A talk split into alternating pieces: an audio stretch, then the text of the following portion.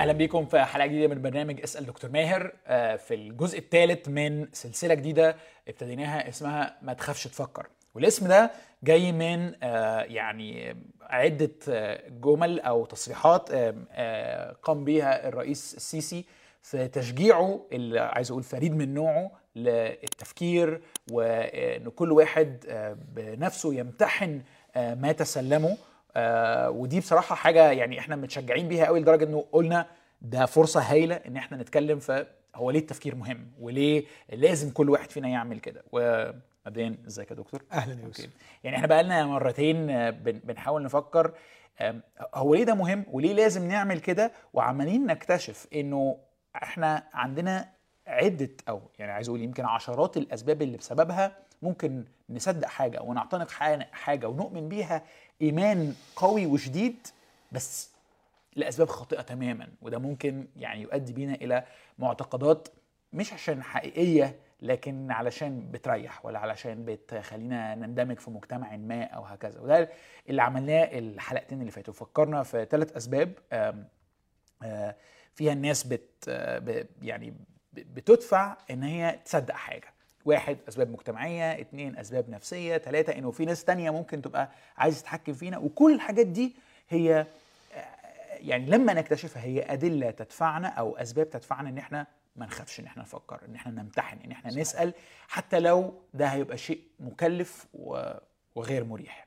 فعايز أستكمل معاك يا دكتور ال- ال- الحديث. أكيد في أسباب تانية آه، وغالبا برضو بخبرتك كطبيب نفسي أكيد برضو بتشوف الأنماط الأفكار بتتبني إزاي علشان توصلنا لمعتقدات معينة. بليز قول لي يعني إيه الحاجات التانية اللي تخلينا لازم ناخد فكر فكرة الامتحان دي على عاتقنا وتبقى حاجة مهتمين بيها في حياتنا؟ ما نخافش نفكر. ما نخافش نفكر للأسباب اللي ذكرتها يوسف ودلوقتي افتكرت وأنت بتتكلم عن إنه في ناس عايز تتحكم فينا ناس بتسيطر علينا. المسيح قال حاجة مرعبة مرة لل- لرجال الدين. قال لهم أنتم تجولون البر والبحر لتكسبوا دخيلا واحدا. ومتى حصل؟ تصنعونه ابنا لجهنم أكثر منكم مضاعفا. لاحظوا الرعب في العبارة دي. الناس دول أشرار بينشروا معتقدات. بس في سبيل نشر المعتقدات بتاعتهم عندهم استعداد يجولون البر والبحر من أجل دخيل واحد. إنهم يكسبوا واحد للديانة اليهودية دخيلا واحدا دخلاء دول اللي هم يعني على الديانة اليهودية. إيه الدافع؟ إيه الدافع في إنكم تعملوا كده؟ الرغبة في السيطرة.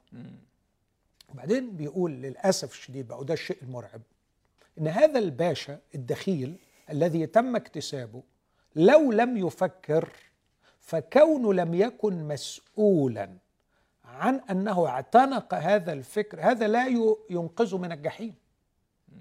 فيقول ومتى حصل؟ يعني نجحتم في أن تكسبوا هذا الدخيل. تصنعونه ابنا لجهنم أكثر منكم مضاعفا. Yeah.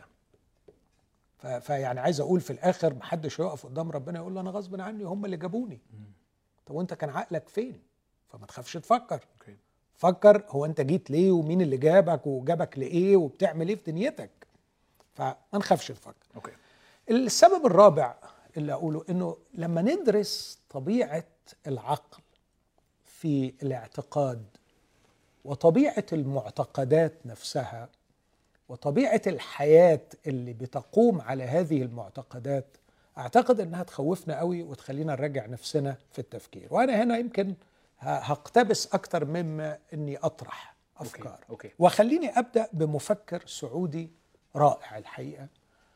الأستاذ إبراهيم البليهي وأنا أنصح ان أن يقرأ ما يكتبه هذا الرجل لأنه فعلا آه، يعني مثقف حقيقي من الطراز الرفيع وكاتب أمين وجيد ينبغي أن نقرأ ما يكتبه. أنا قريت له أكثر من كتاب من أشهرهم كتاب حصون التخلف كتاب في غاية الروعة. لكن نشر آه، من عدة سنوات مقال في جريدة الرياض. آه، وال- والمقالة بتاعته طبعا قوبلت بالرفض الشديد. بس بيقول إيه في في المقالة دي؟ بيقول المقولة الخاطئة بأن التقدم سنة الحياة هي مقولة تخالف الواقع مخالفة صارخة وتتعارض مع الحقيقة تعارضا حادا. فالجمود والتخلف هما سنة الحياة تلقائيا. سنة الحياة مش التقدم. سنة الحياة هي الجمود والتخلف. أما التقدم بيحدث إمتى التقدم؟ فهو تحريك لهذا الجمود وخرق لهذا التخلف وإحلال لبنية ذهنية منفتحة وفاعلة محل بنية ذهنية منغلقة ومنفعلة. إحلال بنية ذهنية منفتحة وفاعلة محل بنية ذهنية مغلقة ومنفعلة. إن الناس في كل زمان ومكان محكومون حتما ببنى عقلية وعاطفية وبأنماط ونماذج وتصورات وعادات ذهنية وميول وجدانية وتجسيدات سلوكية تكونت تلقائيا ولا يمكن الإفلات منها تلقائيا. مش هتفلت تلقائيا ما تخافش تفكر. okay. فكر لأنك مش هتفلت تلقائيا. آه لازم تصميم وتعمد إني وتعمد أفلت. okay. إنك تفلت. تعرفون الحق والحق يحرركم. أنت تلقائيا تصل للجمود لكن مش تلقائيا تصل للتطور. أوكي. بعدين يقول فهي قوالب شديدة الصلابة. وده تقدر تشوفه في مجتمعنا. يعني ال- الراجل ليه سنين طويلة عمال يقول تجديد تجديد تجديد. لكن في في قوالب شديدة الصلابة. قوالب شديدة الصلابة وقوية القبضة بشكل حاسم فإذا أوهم الناس بأن التقدم يحصل تلقائيا فإن المعضلة تشتد وتتفاقم. شوف ال- المفكر العظيم ده يعني بي- بيهدم تماما السخافة بتاعت فكرة إنه إن شاء الله كل حاجة تبقى أفضل لأنه التقدم والتطور هو سنة الحياة. هو بيقول لا على فكرة ما يحدث تلقائيا هو الجمود والتخلف. إذا لم يظهر المجدد إذا لم يظهر الشجاع إذا لم يظهر القادر على التفكير خارج الصندوق لن يستطيع اطلاقا ل- لن يحدث اطلاقا أي تقدم للمجتمع لأن المجتمع بيتصب تلقائيا بيستسهل بالكسل أن ينصب في قوالب شديدة الصلابة وثابتة في الجمود. لغاية بقى ما ربنا يكرمها بحد يلقي الطوبة في المياه حد يثير التفكير علشان الناس تقدر تطلع. فيعني الخلاصة عايز يقول إن الجمود يحدث تلقائيا لكن التطور عمره ما يحدث تلقائيا. أوكي. ليه مقولة تانية شهيرة بقى أنا بعتبرها نظرية؟ هو اللي, اللي الحقيقة و- وقالها يقول لك العقل يحتله الأسبق إليه. وهو يكررها كتير قوي العقل يحتله الأسبق إليه. فاللي بيسبق هو اللي بياخد. فأنت بتتولد بعقل منفتح لتبني معتقدات. تمام. إيه اللي هيلحقك ويسبق ويوصل لعقلك؟ هيحتله تمام. اللي احتله ده بقى صح غلط مش دي القضية المهم إن هو سبق هو جه الأول. أوكي. فأنت ولدت في عائلة تؤمن بمعتقدات معينة هتؤمن بيها خلاص العقل احتل. عشان بقى تحرر عقلك من الاحتلال أنت محتاج تشتغل. مم. فيعني عايز أقول لك وده مش يعني عايز أقول إيه مش حاجة خلاص محتمة عليا لكن هو بيقول لك خليك واعي ليها. أوكي. يعني يعني عايز أقول إيه مرة لما قريتها زمان من مدة طويلة قوي كتبت على ال- التويتر على ما أذكر أيهما أشد عارا وخزيا احتلال الأرض أم احتلال العقل؟ الناس بتثور وبتضحي بدمائها إذا احتلت رضاها أرضها. يعني إحنا لينا عشرات السنين في ألم العالم العربي كله في ألم بسبب احتلال فلسطين. إسرائيل محتلة فلسطين. واخدة إيه من فلسطين؟ واخدة منها الأرض وهذه كارثة وهذا ظلم. صح. فاحتلال الأرض كارثة. بس على فكرة في مأساة تانية كبيرة قوي احتلال العقل. أن يكون ال... وهو عشان كده عامل الكتاب حصون التخلف. فالعقل محتل. أيوة. لكن هل يعبأ الإنسان باحتلال عقلية؟ ع- الأستاذ إبراهيم بليه بيقول على فكرة عقولنا كلها محتلة. مين اللي احتلها؟ الأسبق. اللي لحقك وأنت صغير. أوكي. احتل عقلك وبنى مستوطناته وبنى مستعمراته في عقلك. وانت بقى عليك مسؤولية تحرير عقلك من المحتل. لا يوجد إنسان على وجه الأرض لم يحتل عقله. وعلى كل إنسان أن يقوم بثورة تحرير عقله من المحتلين. طبعا المحتلين للعقل مش بني آدمين معتقدات أفكار. فأنت محتاج تفكر. وما تخافش تفكر علشان تكتشف المعتقدات اللي احتلت لك عقلك. والمعتقدات بقى ما تطردش بال بالعافية. المعتقدات تطرد بالتفكيك. إنك تفكك المعتقد تعمل دي كونستراكشن فأنت تمسك المعتقد بتاعك وتقعد بقى تحلل وتفكر وتفكك أو في جلسات زي كده حوارات بين الأصحاب. إحنا لماذا نؤمن بما نؤمن به؟ إيه اللي مخلينا مأمنين باللي إحنا بنؤمن بيه مم. أعتقد ده اللي هيساعدنا إن إحنا نفكك المعتقدات فتتحرر عقولنا. وده اللي قاله المسيح وتعرفون الحق والحق يحرركم. الحق لما بيحرر بيحرر من إيه؟ من الكذب. أوكي. أين كان الكذب مستقرا؟ في عقلي. فيبقى برضو المسيح بيقول إنه تحرير العقول من الأكاذيب هو أعظم شيء ممكن الإنسان يتمتع به. طب آه، يعني معلش أنا أنت متعود على إن أنا بناقشك في أي حاجة أنت بتقولها. بليز هل كل المحتلين زي بعض يعني لو فكرنا فيها حتى تاريخيا في محتلين أذوا واستنزفوا بلاده البلاد اللي احتلوها وفي محتلين أفادوها وعمروها؟ فيعني هل مقاومة المحتل هي واجب بغض النظر هو مين؟ وال يعني طبعا إحنا لما بنتكلم عن احتلال العقول احتلال العقول بأفكار أو أيوة. معتقدات. أيوه بالظبط. الأفكار أو المعتقدات إذا اكتشفت أن الفكر صواب فعلي أن أقبله وأحتضنه. بس في الحالة دي صار فكري وليس فكر محتل. مم.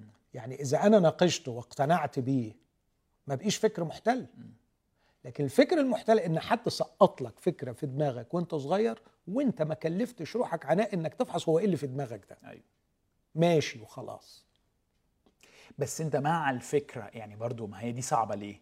لأنه مع الفكرة أنت مش بس تسقط لك المحتوى بتاعها أنت تس- تسقط لك ال ال إيه؟ المعايير والكاتيجوريز وال والأدوات القياس اللي تخلي الفكرة دي مستساغة ومقبولة. ليك. وعشان كده يعني إحنا ده اللي ناقشناه شوية المرة اللي فاتت فكرة البحث عن الحق وهل أنت هترجع لأصلك ولا لأ؟ وناقشناها الفكرة دي. بس أنا فعلا عمال أفكر فيها. ما هو أنت دماغك متسيستمة. هي مش بس شوية محتوى هغيره وهتحداه هي أصلا ال- الأداة نفسها الأداة نفسها اللي أنا بستخدمها علشان أمتحن الأفكار هي نفسها مشكلة بالأفكار. yes دي. مظبوط. فيعني أين نبدأ يعني؟ إحنا هنيجي للمنهجية إحنا اتفقنا أيوة، هنيجي صح، هنيجي صح، للمنهجية. لكن أر- أرمي لك حتة صغيرة دلوقتي please، يعني تصبرني كده. آه آه يعني لو أنا بقى خلاص بقى يعني ميت على إني أعرف الحق. بجد؟ هو انت يعني مهتم قوي بالحق؟ طب إيه أخبار الكذبة اللي أنت كذبتها على صاحبك إمبارح؟ لا لا لا إيه علاقة دي بدي؟ آه يعني أنا بدور على الحق.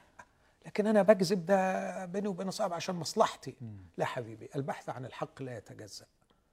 إذا كنت تبحث عن الحق الكونسبتس المعتقدات وريني نفس الإخلاص في محاولة الوصول إلى الحقيقة البسيطة إنك تعيش بالصدق إنك ما تكذبش على صاحبك. إنك ما تبالغش في الكلام. عشان كده تعليم المسيح هنا شيء رائع. قبل ما المسيح يتكلم عن الحق باعتباره فكر يعرف تكلم عنه باعتباره خلق يفعل. أخلاق. أن يفعل الحق. يفعل الحق مم. مش يعرف الحق. okay. يعني في يوحنا ثلاثة اتكلم عن من يفعل الحق. في يوحنا ثمانية اتكلم عن تعرفون okay. الحق. ومن يفعل الحق يصير عقله مجهزا بطريقة أفضل ليقبل ويعرف الحق. الله يفتح عليك. بالظبط تمام. بالظبط يعني عايز أقول الكيان الباحث عن الحق هو كيان أخلاقي. okay. فإذا كنت أنت كذاب ومرائي وبتعيش بوشين وعندك استعداد إنك في الخفاء تعمل حاجات غير خالص اللي في العلن. بطل دوشة بقى ما تقوليش أبحث عن الحق حق إيه اللي بتدور عليه؟ يعني خلاص. okay. فاهم قصدي. فده لا يتجزأ. ال- الأمر الثاني اللي يعني غير الأستاذ إبراهيم البليهي الراجل العظيم ده آه تولستوي بقى. يعني معروف طبعا ليو تولستوي الكاتب الروسي الأديب العملاق وبالمناسبة إبراهيم البليهي متأثر قوي بليو تولستوي. عشان كده أنا بجيب الاثنين ورا بعض. يقول إيه؟ أصعب المواضيع أصعب المواضيع أصعب العقائد. يمكن شرحها لأقل الناس ذكاء. إذا كان لم يسبق له تبني معتقد ما من جهتها. بينما أسهل الأفكار أسهل المعتقدات لا يمكن شرحها لأشد الناس ذكاء إذ كان قد سبق وتبنى معتقد من جهتها. فاكر؟ عارف لما بتسمع عن بعض الشركات لما يجي يشتغل شخص عندهم يقولوا له انت عندك خبرة في المجال ده؟ يقول لهم آه. يقول لا ما ما تنفعناش. لأنه أكيد بوظوا لك دماغك. دماغك. إحنا عايزين حد أبيض. ليو تولستوي بيقول إنه المواضيع الصعبة قوي ممكن يعني أشرحها لشخص بسيط وتتفهم إذا ما كانش already عنده معتقد سبق واحتل عقله من جهة هذا الشيء. والعكس بقى لو عندي موضوع سهل وبشرحه لحد أكثر الناس ذكاء هيبقى صعب يفهمه إذا كان عقله محتل بمعتقد من جهته. ف... ف... فده يوري لك طبيعة العقل بتاعنا. إن أحيانا بنرفض بعض الأفكار مش لصعوبتها أو سهولتها لكن بسبب المعتقدات اللي احتلت عقلنا واللي اترسخت جوانا وعشان كده المفروض إن إحنا ما نخافش نفكر ونراجع. معتقداتنا. لأنه ممكن عدم مراجعة معتقداتي تجعلني لا أقبل حق من جهة هذا الأمر بسبب الباشا اللي محتلني. أوكي. يعني هديك مثال وقول لي ده ينطبق على اللي حضرتك بتقوله ولا لأ. كنت بقرأ حاجة عن الفرق ما بين الدين بصفة عامة وبعض آه، الأفكار الخاصة بأديان معينة يعني خلينا نسميها إيه؟ يعني آه، بيسموها theology لاهوت okay؟ فمثلا بيقول إيه؟ إنك تؤمن بمفهوم العدل الإلهي شيء سهل okay؟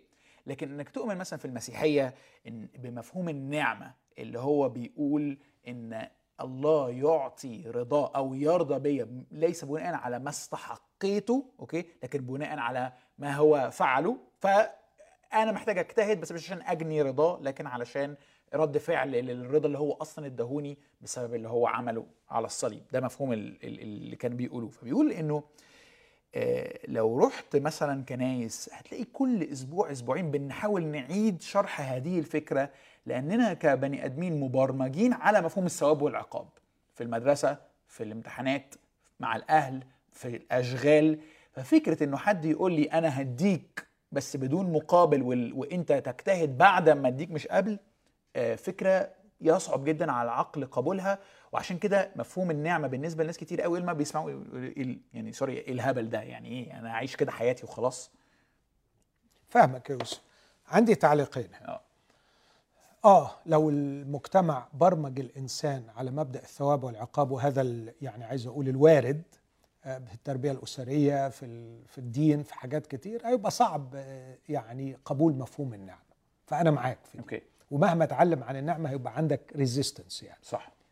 بس الحقيقة في مشكلة تاني هنا إنه أحيانا أنت بتقدم أو الكنيسة الإنجيلية بصفة عامة يعني بنقدم مفهوم النعمة بطريقة غير منطقية. والعقل لا يستسيغها حتى العقل المفكر الواعي. و- وعشان كده أنا بحب أقول لابد أن نصيغ تعليمنا عن النعمة صياغة جيدة لكي تكون المسيحية فريدة بحق في تقديمها للنعمة. فمثلا أبو نواس ليه شعر جميل قوي بعد ما تاب على ما أذكر يعني بيتين الشعر بتوعه يقول له يا رب وأني علمت أن ذنوبي عظمت كثرتها. لكني علمت أن عفوك أعظم. إن كان لا ي... إن كان لا يفوز بعفوك إلا محسن فبمن يلوذ أو يستجير المجرم؟ ده بيبحث عن إيه؟ بيبحث عن النعمة. صح؟ آه. بيبحث عن النعمة. فالنعمة في مفهوم إنها يعني عايز أقول تتدخل في حياتك دون أي استحقاق منك وتعطيك وأنت لا تستحق ده مفهوم مش جديد ده الناس بتفكر فيه والناس محتاجاه وتتمناه. لكن النعمة كما يعلم بها الكتاب المقدس لا تتوقف عند حد. على فكرة النعمة تتدخل في حياتك. الله بالنعمة يتدخل في حياتك دون أن يدينك. ده تعليم ناقص. النعمة تتدخل في حياتك لكي تغيرك. إحنا بنقف عند حتة تعالى زي ما أنت وربنا مش هيدينك. وعشان كده الناس مش قابلاها. لأنها ضد المنطق مش مستساغة. أوكي. أنا محتاج أكملها. فتعليم النعمة في الإيمان المسيحي نعم إن الله سيقبلك دون أن يدينك لكن ما وقفش عند دي. لكنه سوف يغيرك.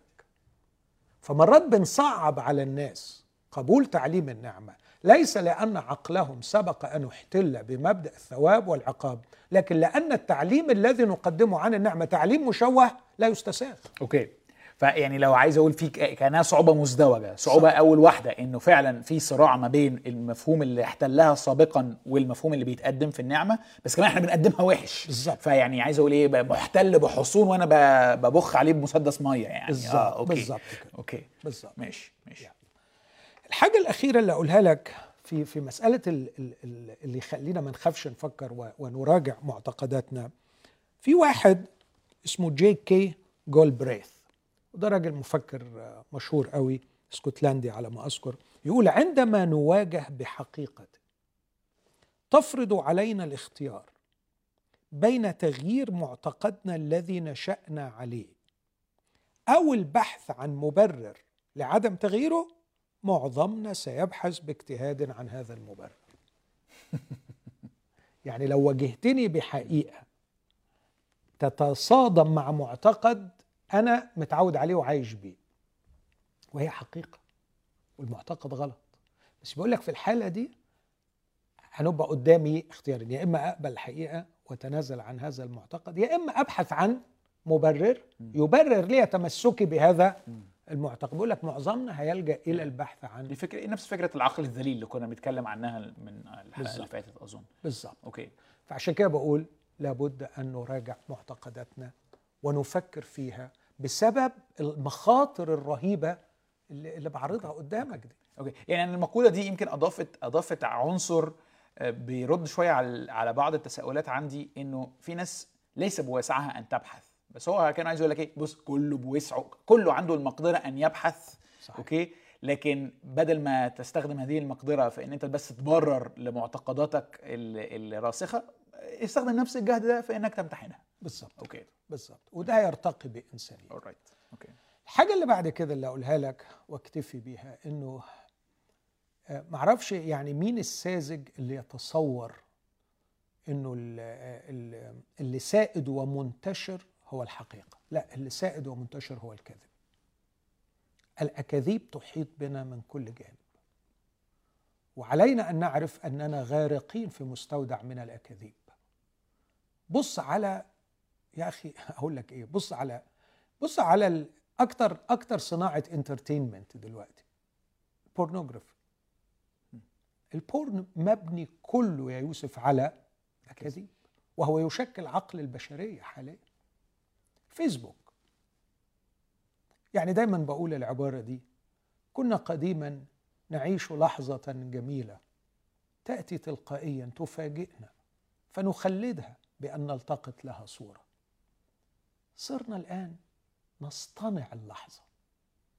نصطنع اللحظة لكي نلتقط لها صورة علشان نحطها على ال social media. فمعظم اللي على ال social media هو مصطنع وليس حقيقي. فالعلاقات الاجتماعية اللي انت شايفها على ال social media كذب. معظمها كذب. الصور اللي بتتحط دي أكاذيب. ال influencers اللي, اللي بتشوفهم أنا ببقى في ذهول ببقى في ذهول ان تشوف واحد influencer الناس كلها بتجري وراه بمئات الآلاف وبعدين يجي في محاولة انتحار بقعد أبص أقول يا ربي هل الناس تعلم هذا؟ هل من يرقدون وراءه بالملايين يعرفون أنه يعيش اكتئاب مرعب؟ وإزاي الإنسان يقدر يوصل إنه يعيش الدبل لايف بهذا الشكل؟ لكن تعالى بقى الأكاذيب الدينية بالكوم يعني مش بس الأكاذيب في المسائل ال entertainment وال social media الأكاذيب في في الأفلام والمسلسلات الأكاذيب في هوليوود الأكاذيب في في في في مناطق الثقافة والفكر والأكاذيب في الدين. في كتير قوي في الدين كذب. والإنسان هيبقى مسؤول في النهاية. يعني كتير بحكي الحكاية لما رحت مرة أول مرة أروح أوكسفورد وشفت كنيسة المسيح هناك ففي قبر في في الكنيسة دي محطوطة فيه عظام قصة طويلة ما فيش داعي أضيع الوقت فيها لكن القبر مكتوب عليه هنا ترقد الديانة مع الخرافة. فأنا حتى صورتها وكتبت قلت يا دي قصة حياة البشر. الديانة مع الخرافة هو حكاية اتنين ستات واحدة فيهم بتجسد الفكر المستنير واحدة بتجسد الخرافة والاثنين عظامهم مخلوطين ببعض يعني. فبيقول هنا ترقد الديانة مع الخرافة. فقلت يا دي قصة البشرية والفضيلة والنبل هو أن تخلص ديانتك من الخرافة. لأنه الديانة دايما ملتصقة بالخرافة. في حاجات خرافات كتير لازقة بالدين. وفي كل عصر. إحنا مش ال- البروتستانتية قامت بإصلاح عظيم؟ قامت بإصلاح عظيم. هل نجت البروتستانتية من بعض الخرافات؟ لا في خرافات. وعلينا أن نكون في منتهى الحذر والأمانة بأن إحنا نشوف يا جماعة إيه الخرافة اللي بتلصق بينا. ونحاول أن نحررها. ما فيش داعي أضيع الوقت في إزاي إنه من الممكن أن تتطور إلى أحيانا بعض الجماعات إلى cults OK. وعايشة على خرافات. فالأمانة تلزمنا بسبب انتشار الأكاذيب من حولنا هو إن إحنا ما نخافش نفكر ونعمل العقل. أتذكر لما اتعمل المسلسل بتاع تشيرنوبل الراجل العالم الفيزياء فاليري ليجازوف قال الخطر الحقيقي أنه إذا سمعنا ما يكفي من الأكاذيب لن نستطيع تمييز الحقيقة. من كتر الكذب اللي حوالينا لما بيتقال لنا الحق أحيانا آه، ما بنعرفش نميزه وبالتالي لابد من بذل مجهود لتمييز الحقيقة. طب يعني عندي عندي برضو سؤال هنا. يعني حضرتك جبت سيرة ال- الإصلاح كحقبة تاريخية وحتى يعني آه، سيادة الرئيس اتكلم على اللي سماه تكلفة الإصلاح دي. يعني إن هو كل حد كل عصر هيبقى فيه ناس بتحاول تصلح من الفكر السائد وتقاوم الأكاذيب. آه، لكن حاجة ليها تكلفة لأنك بتبقى لوحدك لأنك بتمشي ضد التيار لأنك هكذا. يعني عايز أقول إيه؟ الإصلاح دايما شيء صعب تقييمه. ليه؟ يعني إحنا مثلا كناس إنجيليين نبص على الإصلاح اللي حصل في ال 1600 ون- و- و- كان تقدم سميناه إصلاح. لكن وقتها بالعكس ده اتنظر ليه على إنه كلت على إنه يعني لا ما آه، تنظرش يعني ليه. على إنه كالت ساعتها. لكن أنا بقول إنه بعض الحركات اللي تطورت و و ونشأت بعد هذا وصلت إلى أنها خرافية وبقت كالتس آه أوكي أوكي. طيب بس أنا يعني لو لكن أنا ساعتها ساعتها أثار حراك رهيب بين المفكرين وبين القادة وبين وبين وعمل انقسام وكان ليه التكلفة بقى آه. نتكلم عنها سيادة الرئيس. آه. إنه لما حدث إصلاح ديني سالت الدماء بحور ناس استشهدت. يا أخي جون ويكليف ما هو ده علم من أعلام الإصلاح بس كان سابق للوثر بحوالي 150 سنة أو أكثر شوية اتحرق حي. جون ويكليف.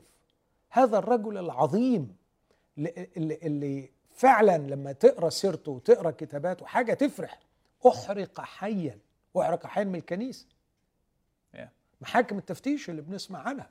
فمن أرادوا الإصلاح دفعوا حياتهم ثمنا. بس إحنا بنجني الثمن لكن أنا اللي كنت عايز أقوله إنه حتى بعد ما حصل الإصلاح وناس دفعت دمائها. يعني يا أخي هقول لك على حاجة. واحدة من من الأسس الجوهرية للإصلاح المسيحي اللي قام بيه لوثر سولا سكريبتورا سلطة الكتاب المقدس. وفي ناس ماتت بقى بسبب دفاعها عن سلطة الكتاب المقدس. في كتير من 80% من كليات اللاهوت البروتستانتية النهارده بترفض سلطة الكتاب المقدس. فيعني اللي عايز أقوله إنه الإصلاح يحتاج إلى إصلاح والإصلاح يحتاج إلى إصلاح. الكذب يحيط بالحقيقة والخرافة لم تفارق الديانة. ولذا علينا أن لا نخاف من الاجتهاد والتفكير لكي نحفظ الديانة من أثر الخرافة ونحفظ الحقيقة من أثر الأكاذيب بسبب انتشار الكذب والخرافة حولنا في كل وقت. أوكي. يعني هما كده خلصوا؟ يعني. تقريبا في أسباب كتير بس أنا عايز أنقل بقى يعني إيه اللي يشجع ضميري أنا كمسيحي من الكتاب المقدس؟ هل في قصص كتابية؟ هل في مبادئ كتابية تخليني ما أخافش أفكر؟ آه يعني أنا عايزك تشجعني. ليه؟ أنا عشان كده بسألك إيه؟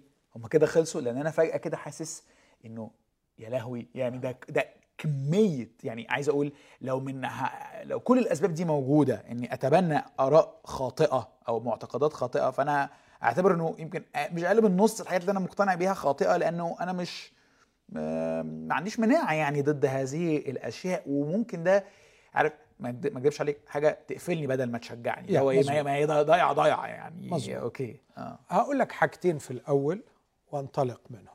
الحاجة الأولانية الحق جميل والحقيقة فعلا فعلا فعلا هي الوسيلة الوحيدة لارتقاء الانساني طول ما أنا عايش ضحية أكاذيب أنا يعني آه، هخسر إنسانيتي.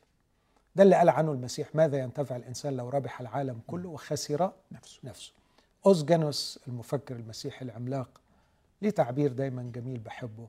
يقول لك شغلتنا كخدام الله لو عايزين نخدم الناس أن نصيغ عقل أولاد الله بحق الله ليفعلوا مشيئة الله. لابد أنك تبعت للناس الحق لأنه الحق هيخليهم يتحرروا من الرغبة ومن الكذب فيصنعوا مشيئة الله. وعندما يصنعوا مشيئة الله يختبروا فعلا نعمل الإنسان على صورتنا كشبهنا فيتسلطون.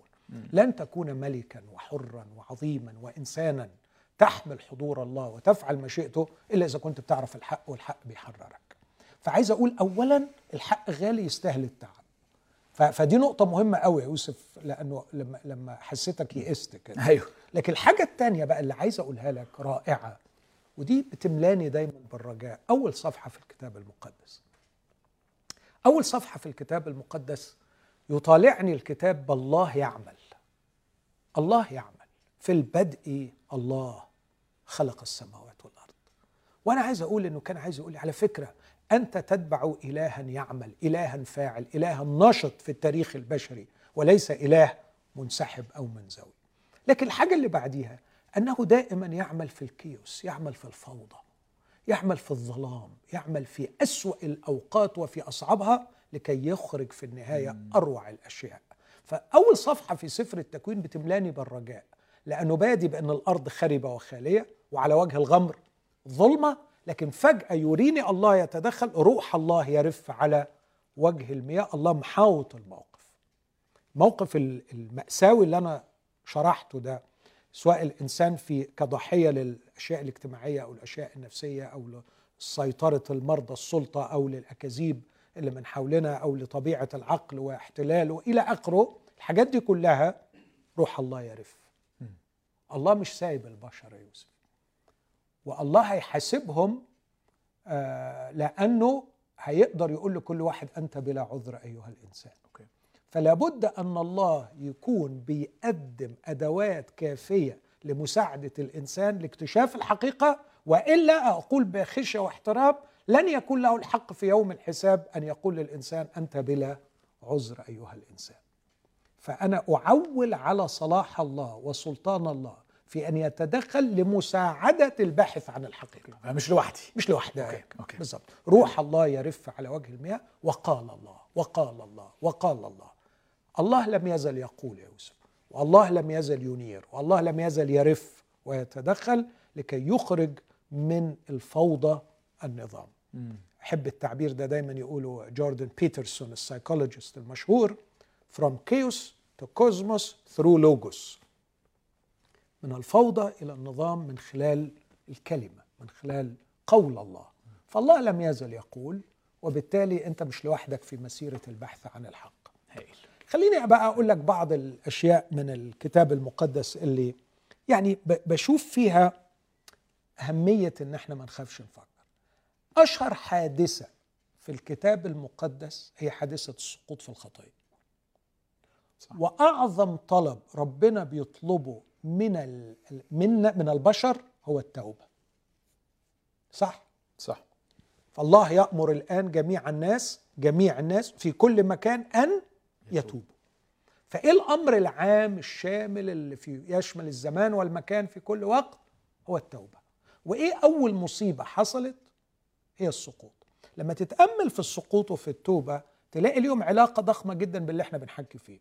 السقوط هو أنه تم عرض كذبة على حواء ولم تفكر فيها ولم تناقشها. للأسف شديد لم تراجع هذا المعتقد الذي يقدم لها قالت لها الحية لن تموتا بينما الله قال موتا تموت. إذا آه آه يعني ممكن أقول فرض نظري. لو كانت حواء ما خافتش تفكر ولو كانت حواء رجعت اللي بيعرض عليها ما كانش حدث السقوط. فرض نظري. بس يورينا أهمية التفكير. من الجانب الثاني ال ال الأمر الإلهي العام والشامل العابر للزمان والمكان الله يأمر كل الناس أن يتوبوا. كلمة التوبة في اللغة اليونانية في العهد الجديد ليست الامتناع عن الفعل الغلط. التوبة ليست توقف سلوك خاطئ لكن التوبة فعل في الفكر. متى نويا؟ نويا هو العقل. ومتى فوق أو بجوار أو وراء العقل. فعشان كده دايما أقول التوبة ليست هي التوقف عن الفعل الخطأ لكن مراجعة المعتقد الرابط وراء الفعل الخطأ. وده حتى يوري لك حاجة عملية. ليه في شباب كتير بيتعهد ويعيط ويصرخ ومش هعمل كده؟ وبعدين يرجع يعمل.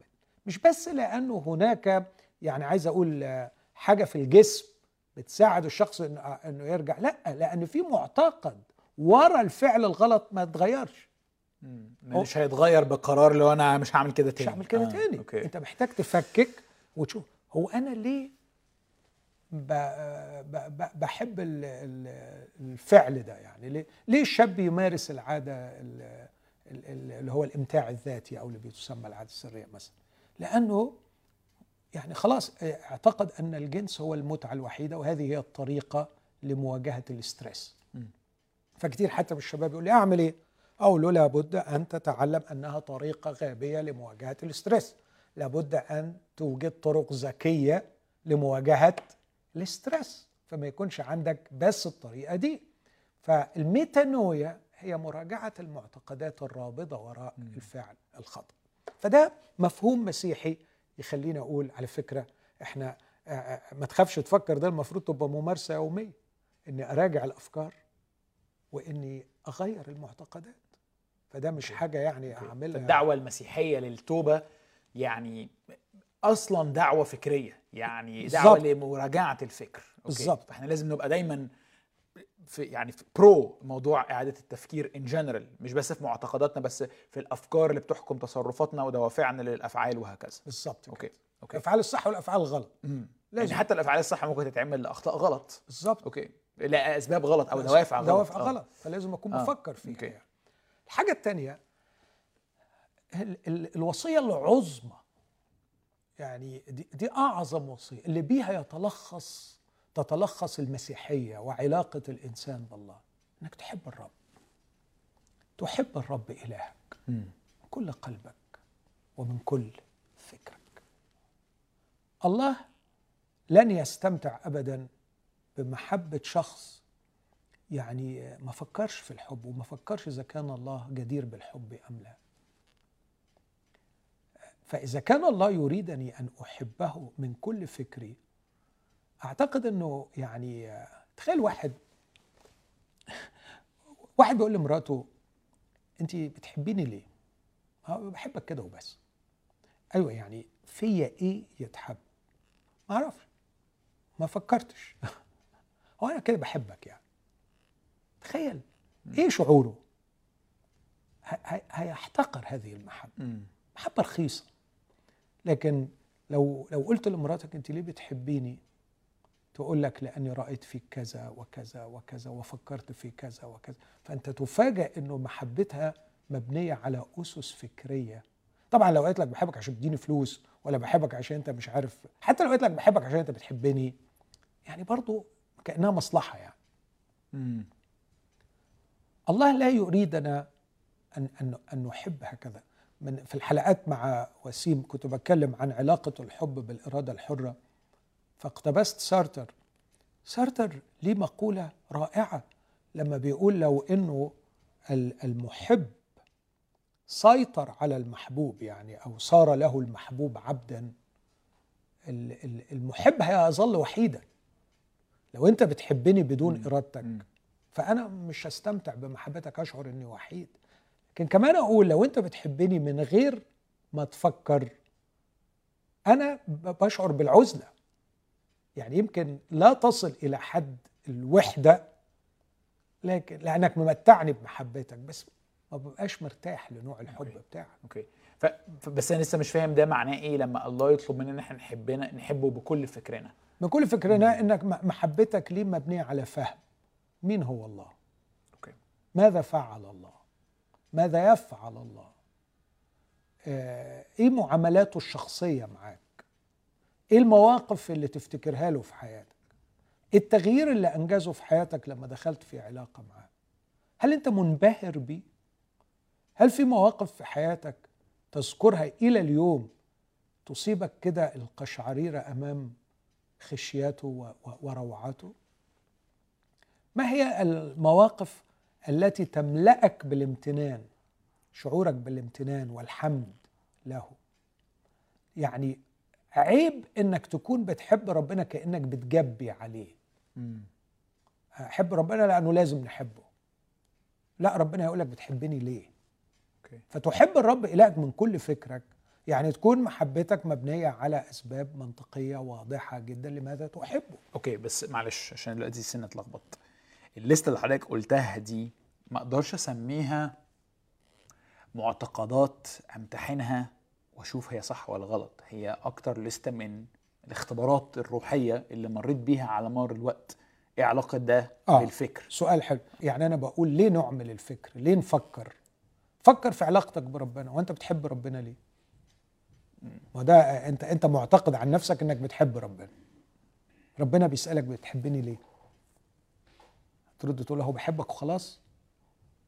ما يبقاش بتحب الرب إلهك من كل فكرك. آه. طب طب إيه إزاي بقى تفسر ال- الآية اللي بتقول نحن نحبه لأنه هو أحبنا اولا يعني؟ اولا هو النص ده مش دقيق كده. آه بجد؟ هي هي آه. هي نحن نحب لأنه هو أحبنا اولا. فدي بت- بتشرح الفكرة بتاعت فاقد الشيء لا يعطيه. okay. لماذا تحولت أنت كيوسف إلى كائن قادر على الحب لأنك أغرقت بمحبة الله لك. فده موضوع مم. تاني. آه okay. فلأنك مرتوي من هذا النبع إن في حد عظيم علاقة شخصية وحد بيحبك فأنت بقيت قادر إنك تحب قادر إنك okay. يعني ترسل هذا الحب لآخرين. لكن تاني أقول لما يوصيني يقول لي تحب الرب إلهك من كل فكرك علي أن أعمل عقلي ولا أخاف في أخطر سؤال أنا ليه بحب ربنا؟ آه. يعني حتى ده سؤال تحت فحص. الامتحان. آه okay. بالظبط. ليه بحب ربنا؟ okay. طبعا لو كانت الإجابة بتاعتي بحب ربنا لأنه واجب علينا يا أخي. آه. بحب ربنا علشان عطاياه ورضاه علينا. ده استغلال مش حب. بحب ربنا عشان أروح السماء بحب ربنا عشان نكسب ثواب. تخيل. تخيل لو أنت قلت لمراتك على فكرة أنا بحبك عشان أكسب فيك ثواب. يعني لابد أن نعمل العقل حتى في محبتنا لله. لماذا نحب؟ إذا لم يكن الله جديرا بمحبتنا علينا أن لا نحبه. مم. بس هوصل إزاي للنتيجة دي؟ أنا أحيانا يجي لي العيادة حد مليان بالغضب والثورة على ربنا. غضب رهيب. ويقول كلام لا يليق. يعني حتى كلام بيخليني أنا أشمئز يعني. فبعد ما يخلص كلام خالص أقول له طب وأنت زنق نفسك ليه فيه؟ ما تسيبك منه. آه يعني. انت انت انت مزعل روحك قوي من ربنا كده و... وهو ما عملش وهو ما عملش وهو ما سألش فيا وأنا صليت وما استجابش وهو بتاع خلاص سيبك منه. طب سوري هو إيه غرضك من الرد ده؟ ما هو رد برضو يعني مش آه. مريح. آه رد مش مريح لأنه بيبقى فيه تطاول شوية على الله من ناحية ومن ناحية تانية أحيانا بيبقى فيه يعني التخلي التام عن المسؤولية الشخصية تجاه ما يحدث في الحياة وإلقاء كل العبء على الله واحيانا نتيجة جهل بعدم فهم طبيعة الحياة إنها إنها حياة الحياة طف الحياة صعبة. في توقعات ساذجة طفولية عن الحياة وبعدين لما يدخلوا ويصطدموا بالواقع يرموا اللوم على ربنا. ففي يا إما تبقى حاجات واحد واحد عك الدنيا في جسمه واحد بهدل علاقاته العائلية والزوجية وخرب الدنيا وبعدين لما الدنيا تقلب عليه يقول لك فين ربنا وربنا ما عملش. واحد تاني عنده توقعات سخيفة ساذجة عن الدنيا وما ما فكرش يدرس ولا يفكر ولا يشوف الحياة. واحد متخلي عن القيام بمسؤولياته تجاه نفسه وكأنه عايز يعني يتمدد كده وربنا يعمل له كل حاجة. فأحيانا بتبقى فيه بحب أصدم الشخص علشان يقوم يواجه مسؤولياته. يمتحن المعتقدات اللي هو بسببها دلوقتي بيلوم ربنا. okay. بالظبط كده. okay. يعني النقطة الأولى زي ما بقول لك السقوط وال- والتوبة، النقطة الثانية طاعة الوصية العظمى. تحب الرب إلهك. من كل من كل قلبك ومن كل فكرك. الأمر الثالث إن المسيحيين مطلوب منهم بصفة عامة وليس للخدام فقط أن يكونوا منخرطين في المجتمع ومكشوفين للناس ومقروئين منهم للدرجة التي يستطيع فيها الجار والقريب والصديق والزميل أن يكتشف الرجاء الذي فينا ويعرف أن لدينا رجاء نعيش به ثم يتوقع الكتاب أن الناس ستسأل. أن أكثر حاجة ناقصاها هي الرجاء. سيسألوننا عن سبب الرجاء الذي فينا. وكلمة سبب جاية في اليوناني ال- ال- اللوجيك. إيه المنطق ورا الرجاء؟ حضرتك مبسوط ليه بإنك مسيحي يعني؟ ما هو سبب مسيحيتك فيقول الرسول في بطرس الأولى 3 15 مستعدين دائما لمجاوبة كل من يسألكم عن سبب الرجاء الذي فيكم بوداعة وخوف. قل لي إزاي هبقى مستعد أن أجيب من يسألني عن المنطق ورا الرجاء اللي عندي في المسيحية ولا مخليني مسيحي إذا ما كنتش فحصت المعتقدات بتاعتي. Yeah. ف it's not an option ما هواش اختيار بالنسبة لنا. okay لكن لابد إن إحنا ما نخافش نفكر لماذا نؤمن وده ربما مش كافي لي إن أنا أدرس شوية دفاعيات أو ردود على الأسئلة الكبرى التي تسأل للمسيحيين. أنت عايز واحد بيعرف يفكر في كل شيء لأنه ابتدى بالتفكير فيما يعتنقه. okay. كده. لماذا نؤمن بما نؤمن به. okay. الحاجة الأخيرة بقى ودي يعني أجمل حاجة وأتمنى كنت يبقى عندي وقت طويل آه، حبي للمسيح وشغفي بيه مش عشان يا حرام المسيح مات لأجلي. أنا الحقيقة يعني ب- ب- بتألم لما بلاقي واحد بنحب المسيح عشان هو مات صعب. علينا. صعب علينا. أو مات لأجلنا. أو نفعي في العلاقة معاه. نفعي. هو أصله مات على على الصليب من أجلنا وشال عننا خطايانا فكده خلاص إحنا ما عليناش ذنب فهو الحمد لله هو شالها يعني فإحنا كده. أسلوب نفعي. المسيح يحب لأنه جدير بالحب. مسيح جميل مسيح شخص مبهر ورائع ومعلم تفخر بأنك تنتمي إليه. إن كان لدينا في المسيحية شيء نفاخر به وشيء فعلا يعني نتباهى به مش الثالوث ولا الكفارة ولا تجسد هو شخص يسوع. شخص المسيح. الحقائق اللي بعد كده دي حقائق عظيمة وصحيحة نحاول نفهمها. لكن إن كان لدينا شيء نفاخر به ونباهي به فهو شخص يسوع المسيح. وشخص يسوع المسيح لما أتكلم عنه بيبهرني في ثلاث مناطق كبار جدا عقله وطريقة تفكيره وجدانه ومشاعره أخلاقه وسلوكياته. ولو مسكت في منطقة العقل والتفكير اتفرج بقى يا يوسف اتفرج على المحجات اللي كان بيحججها ن- نورمان جايسلر عمل كتاب عن المنطق عمل فيه فصل كامل عن استعمال المسيح للمنطق. جاب كل ال- المبادئ المنطقية اللي أرسطو اكتشفها واللي كتبها ووريها لك موجودة في حوارات المسيح وأساليبه لما كان يحاور اليهود أو يحاور المقاومين. آه، آه، طرحه في العظات أحيانا تحس الروعة في التفكير استثارة التفكير. يعني مثلا أدي لك بعض الأمثلة السريعة جدا. أدي مثل سهل وبعدين مثل صعب شوية. لما كان عايز يقول للتلاميذ ما تخافوش أبوكم السماوي يعتني بيكم. فكرة بسيطة جدا ربنا بيعتني بيكم ربنا حلو ربنا صالح ويعتني بيكم. المسيح ما قالهاش كده. المسيح قال انظروا إلى طيور السماء. إنها لا تزرع ولا تحصد ولا تجمع إلى مخازن وأبوكم السماوي يقوتها. فكم بالحر يقوتكم أنتم يا قليل الإيمان. واخد بالك من الفكرة؟ انظر تأمل ال premises تأمل الفرضيات واعمل deduction. الله يهتم بطيور. هل تسمع الطيور تغرد؟ هل تراها سعيدة منطلقة؟ أبوكم السماوي يقوتها بالأولى يقوتك أنت. وانظروا إلى زنابق الحقل التي توجد اليوم وتطرح غدا في التنور يعني ربنا عاملها بكل الإبداع والجمال ده وهو عارف إنها بكرة سوف تذبل وتحرق. وقلب وأنفق هذا المجهود في ال design بتاعها. فكم بالحر يلبسكم أنتم يا قليل الإيمان. ولا سليمان في كل مجده كان يلبس كواحدة منه واخد بالك من الطريقة اللي اللي بي بيوصل لي يعني مش عايزني صدق صدق ربنا يعتني بيك. لا لا. افهم ليه ربنا يعتني بيك. ده, ده أسلوبه في الوعظ. أسلوبه بقى في الحوارات لما لما بيحاور اليهود. أجيب لك مثل أو اتنين. في إنجيل متى أصحاح 12 عملوا له شغلانة كبيرة عشان تلاميذه أكلوا سنابل يوم السبت. على فكرة كان في منتهى السهولة يعرف يرد عليهم. بس هو بديع. كان ممكن يقول لهم هو إيه اللي حصل؟ يقولوا دخلوا الغيط اكلوا فركوا السنابل واكل وده لا يحل في يوم السبت. هو عنده نصين في العهد القديم كان يقدر يرجع إليهم بسهولة ويخرسهم تماما. النصوص في العهد القديم تقول إنك تدخل حقل تاكل بس ما تاخدش معاك.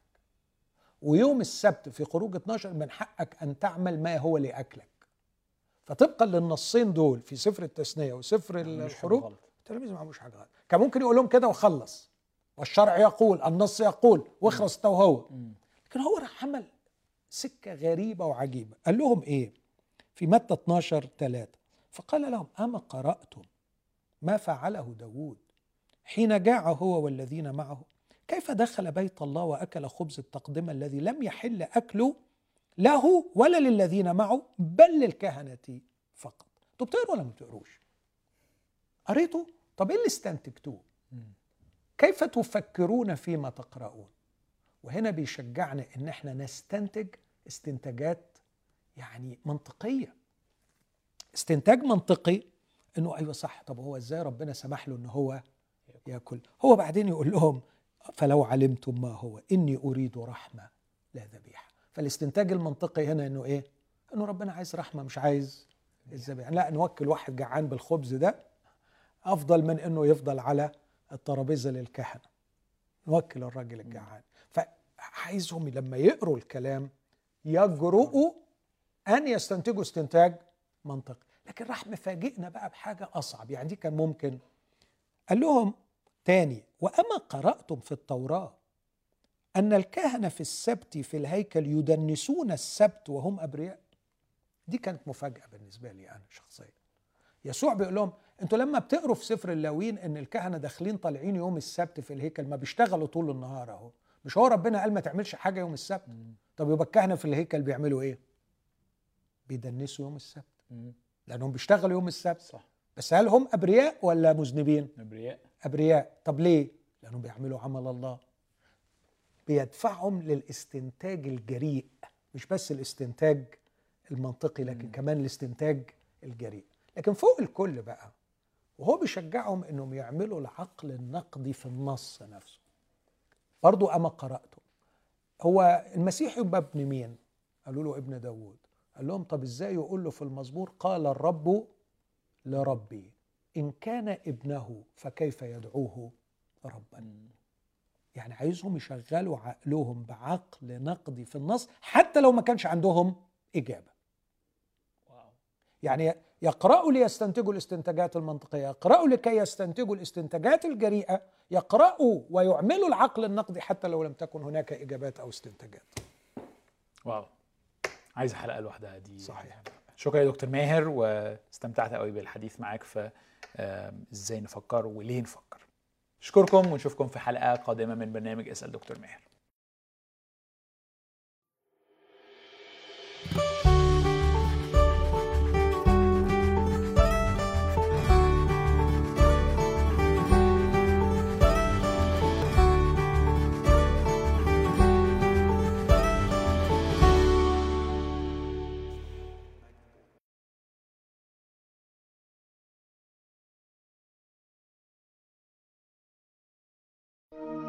لمشاهدة المزيد من الحلقات زوروا سات 7 بلاس.